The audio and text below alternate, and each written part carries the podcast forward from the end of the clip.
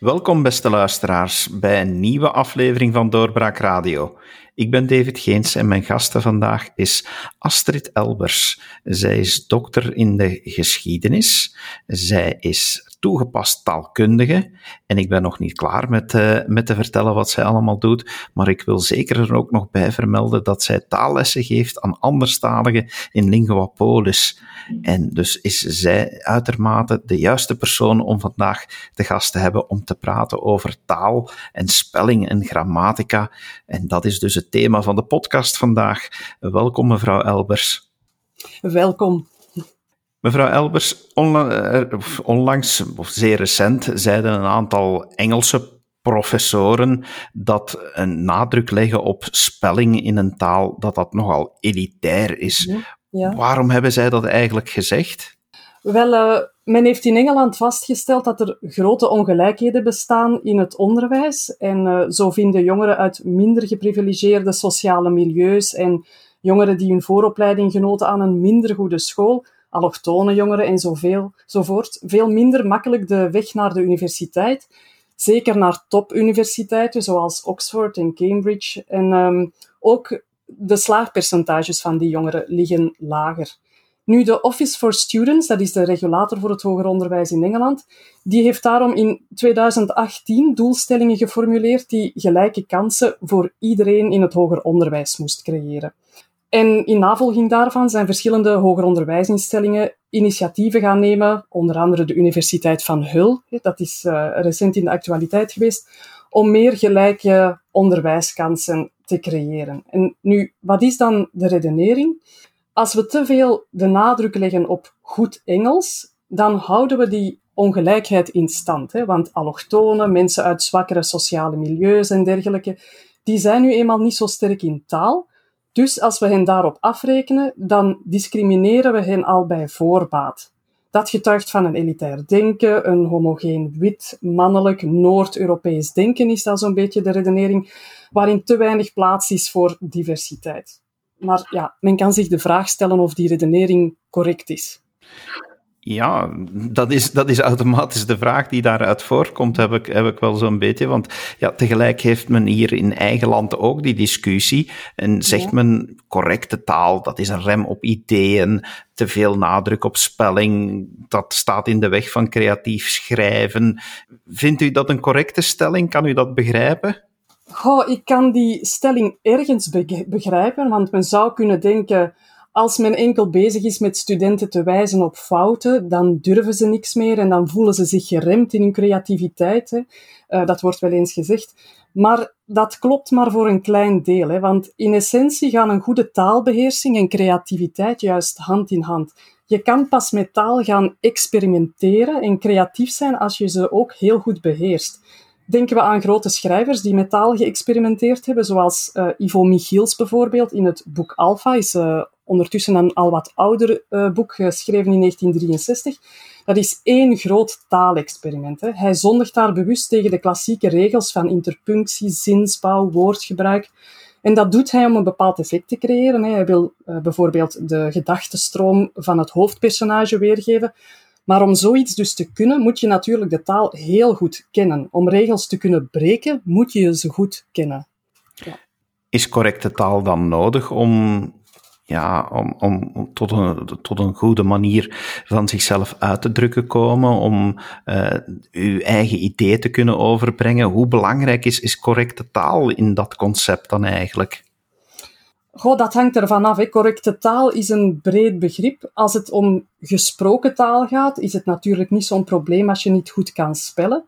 Maar om je goed uit te drukken heb je zeker en vast een goede algemene taalbeheersing nodig. En ik bedoel dan vooral een uitgebreide woordenschat, een goed gevoel voor taalregisters.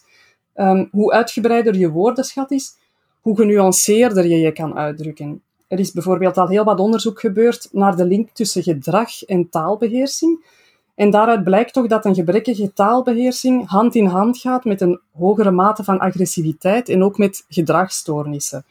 Zeker bij jonge kinderen, uh, kleuters bijvoorbeeld, met een taalachterstand, ziet men een hogere mate van agressiviteit. In, in Frankrijk is daar heel wat uh, recent onderzoek naar gedaan.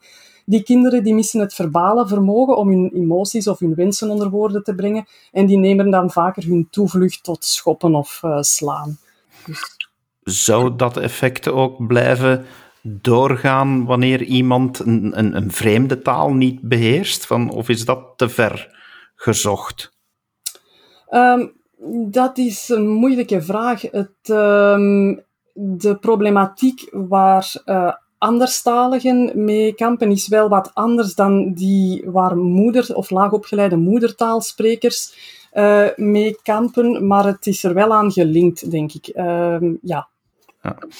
Ik las ook dat uh, professor Duik de stelling innam dat goed spellen, goed taalbeheersing, dat dat net beter werkt voor gelijkheid, dat dat gelijkheid in de hand zou werken. Bent u het daarmee eens? Ja, zeker en vast. Het is ook niet alleen professor Duik die dat zegt, ook velen met hem. Ook in Engeland is er veel protest op die maatregelen van de Universiteit van Hull uh, ontstaan. Ook andere universiteiten trouwens hebben gelijkaardige maatregelen genomen. Normaal zou een masterdiploma aan de universiteit een garantie moeten zijn dat je op zijn minst kan spellen, hè, of dat je een beleefde e-mail kan schrijven in correct Nederlands, ongeacht je achtergrond. Je diploma moet je garanderen dat je dat kan. En als zo'n diploma dat niet meer garandeert, dan blijft je persoonlijke achtergrond, zeker als je dan uit een zwakker sociaal milieu komt, dan blijft die achtergrond je parten spelen. Dan blijft dat een hinderpaal in je leven. En in die zin wordt de redenering dan opgebouwd dat wanneer je die taal beter beheerst, dat je meer kansen hebt en dat er dus meer gelijkheid gaat zijn in, in, in kans op werk, in kans op een beter sociaal leven. Uh, ja, als je een goed taalonderricht hebt, dan uh, worden die verschillen in achtergrond eigenlijk ja, voor ten dele toch uitgevlakt. En dan krijg je inderdaad veel meer kansen in de samenleving dan wanneer dat niet gebeurt. U staat in, uh, in de talen, in taalonderwijs. Ja. Hoe is het nu eigenlijk gesteld met, met het taalonderwijs bij ons? Ja, ik moet hier natuurlijk uh, voorzichtig zijn wat ik zeg, want ik ben inderdaad zelf een uh, taalleerkracht. Het taalonderwijs is natuurlijk ook een breed begrip, want er wordt taal gedoseerd op heel veel verschillende ja, niveaus, verschillende soorten, uh, ja, verschillende soorten scholen en zo. Ikzelf, ik geef op dit moment onder andere Nederlands aan anderstaligen aan Linguapolis, dus zoals u al gezegd had. Dat is het taalinstituut van de Universiteit Antwerpen. En ik denk dat het taalonderricht daar wel uh, zeer goed van kwaliteit is. Er wordt daar bijvoorbeeld heel sterk gewerkt aan woordenschatuitbreiding, grammaticale correctheid enzovoort. Maar uh, ja, Linguapolis is een stichting van de universiteit en wij hangen niet vast aan leerplannen van de overheid of zo. En we zien toch dat de situatie bij het onderwijs dat door de overheid wordt ingericht, dat, dat, daar de situatie wel wat anders is. De situatie is daar, of de focus is daar de laatste jaren nogal verschoven van kennis naar vaardigheden. Dus de vraag is niet meer zozeer wat moeten leerlingen kennen, maar wat moeten ze kunnen. Bijvoorbeeld, ze moeten een gesprek kunnen voeren, hè, in, een, in je moedertaal of in een andere taal. Dat is een vaardigheid. Op zich is dat niet echt een slecht idee, want dat je de praktijk in het oog houdt en je de vraag stelt tot welke taalhandelingen moet een taalleerder in staat zijn. Maar het eigenaardige is dan wel dat het idee is ontstaan dat kennis niet meer belangrijk zou zijn, terwijl kennis en vaardigheden juist hand in hand gaan. Dus ik zou juist zeggen, met het oog op het onder de knie krijgen van vaardigheden, is kennis juist belangrijker dan ooit. Want een vaardigheid verkrijg je door kennis. Als je bijvoorbeeld een goed gesprek wil kunnen voeren, dan heb je daar woordenschat voor nodig, kennis van vervoeging van werkwoorden, kennis van zinsbouw enzovoort. Dat is niet alleen in het Nederlands zo, maar ook bij het aanleren van een vreemde taal. Jeugd van gisteren zijn volwassenen vandaag. Dus mensen die vandaag starten aan hun carrière als leerkracht, die hebben natuurlijk al ander onderwijs gekregen dan mensen die twintig jaar geleden op de schoolbanken zaten. Zijpelt dat dan door naar de leerkrachten tegenwoordig? Hebben die zelf nog genoeg kennis van onze taal? Ja, ook hier moet ik natuurlijk voorzichtig zijn, met wat ik zeg, want ik ben zelf leerkracht en uh, ik kan moeilijk uh, met de vinger wijzen aan mijn collega's. Maar het klopt wel dat daar inderdaad een, een probleem is. Hè. De taalvaardigheid van leerkrachten gaat achteruit, denk ik. Dat is niet alleen voor het Nederlands, maar ook voor vreemde talen. Voor Frans is dat bijvoorbeeld uh, ook al in overvloed in de actualiteit geweest. Ik heb zelf ook remedieringscursussen academische taalvaardig gegeven aan toekomstige leerkrachten in de lerarenopleiding. En ik heb daar zelfs toekomstige leerkrachten Nederlands moeten remediëren. En dat boezemde mij dan toch weinig vertrouwen in dat die mensen ja, twee jaar later of zo voor een klas zouden uh, moeten gaan staan. Uh, ja, en ik heb zelf, om even een persoonlijk voorbeeld misschien te geven, ik heb uh, enkele jaren geleden zelf nog een opleiding gevolgd aan de hogeschool. En daar viel het mij toch ook op dat er heel wat docenten moeite hadden met uh, taal. Ik moest ooit eens een online test doen en daar een gatentekst invullen. En daar stond verschillende keren het woord iets en ik moest daar dan een bijvoeglijk naamwoord invullen uh, na dat woordje iets, dus bijvoorbeeld iets moois. Helaas wist de docent niet dat uh, een bijvoeglijk naamwoord na iets een S krijgt. En dus de computer accepteerde alleen de versie zonder S, dus de foute versie. Dat heeft mij toen behoorlijk wat punten gekost. Ik ben daar uiteraard wel voor gaan reclameren, maar ja, dat soort dingen, dat komt dus wel frequent voor, helaas. Waarom staat onze taal zo onder druk? Waarom dat verschil toch? Als ik zelf ook ja, persoonlijk kijk, dan weet ik dat ik ooit nog punten ben kwijtgeraakt omdat ik in een toets aardrijkskunde een spellingsfout maakte. Ik weet nu van uh, familie die in het onderwijs staan dat zij dat niet meer mogen doen, dat, er geen uh, punten mogen afgetrokken worden voor spellingsfouten. Waarom staat dat allemaal zo onder druk tegenwoordig? Um, ja, ik denk eigenlijk dat dat zo een beetje uh, voortkomt uit een soort uh, misbegrepen idee van ja, inclusiviteit of zo. Uh, het klopt inderdaad dat er een veel minder, uh, veel minder focus ligt op correct taalgebruik. Uh, in die zin, ja, sommige mensen zeggen dat, er, dat we daar ik vind dat een beetje een rare discussie. Tegenwoordig wordt er vaak gezegd, ja, we, we zijn veel te streng, we focussen veel te, te hard op die correcte spellingen, op die correcte grammatica, terwijl daar eigenlijk helemaal geen focus meer op ligt. Die, die de, slinger is helemaal doorgeslagen naar de andere kant. En ja, ik denk eigenlijk dat je dan een, uh, ja, al dat soort initiatieven, dat dat eigenlijk een omgekeerd uh, effect gaat hebben, een, een, tegenovergesteld effect eigenlijk. Um, we hadden het er in het begin over dat, ja. dat men in Engeland dan gezegd heeft: oké, okay, die, die nadruk op spelling is elitair. Vindt u dan dat eigenlijk, op basis ook van wat u me nu net hebt uitgelegd, dat dergelijke uh, anti-elitaire maatregelen net het tegenovergestelde effect zou hebben.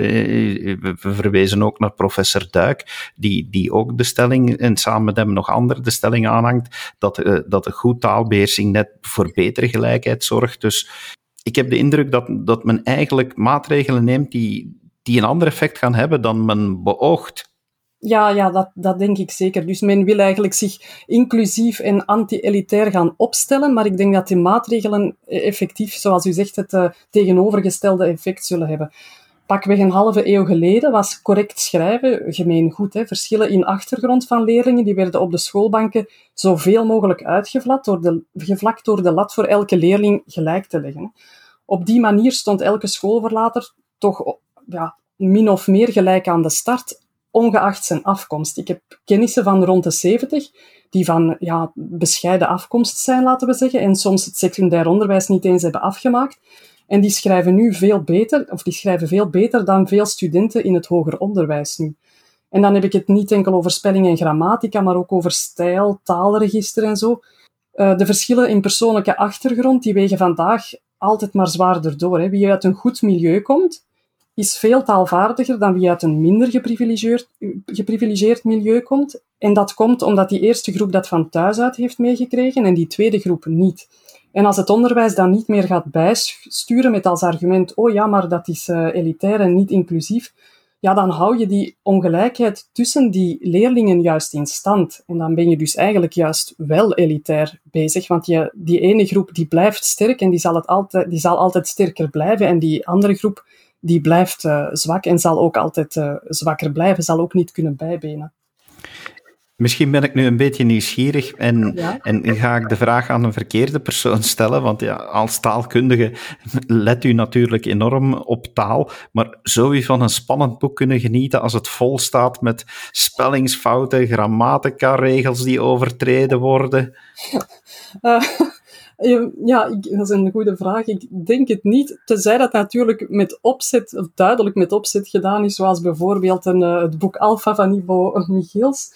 Maar als het gewoon een boek is dat echt slecht geschreven is, dan, uh, nee, dan zou de, die fouten zo mijn aandacht trekken dat, ik, dat de inhoud me volledig zou ontgaan. Ik moet trouwens eerlijk zeggen, um, proeflezen is uh, voor een groot deel ook, ja, is een groot deel van mijn job.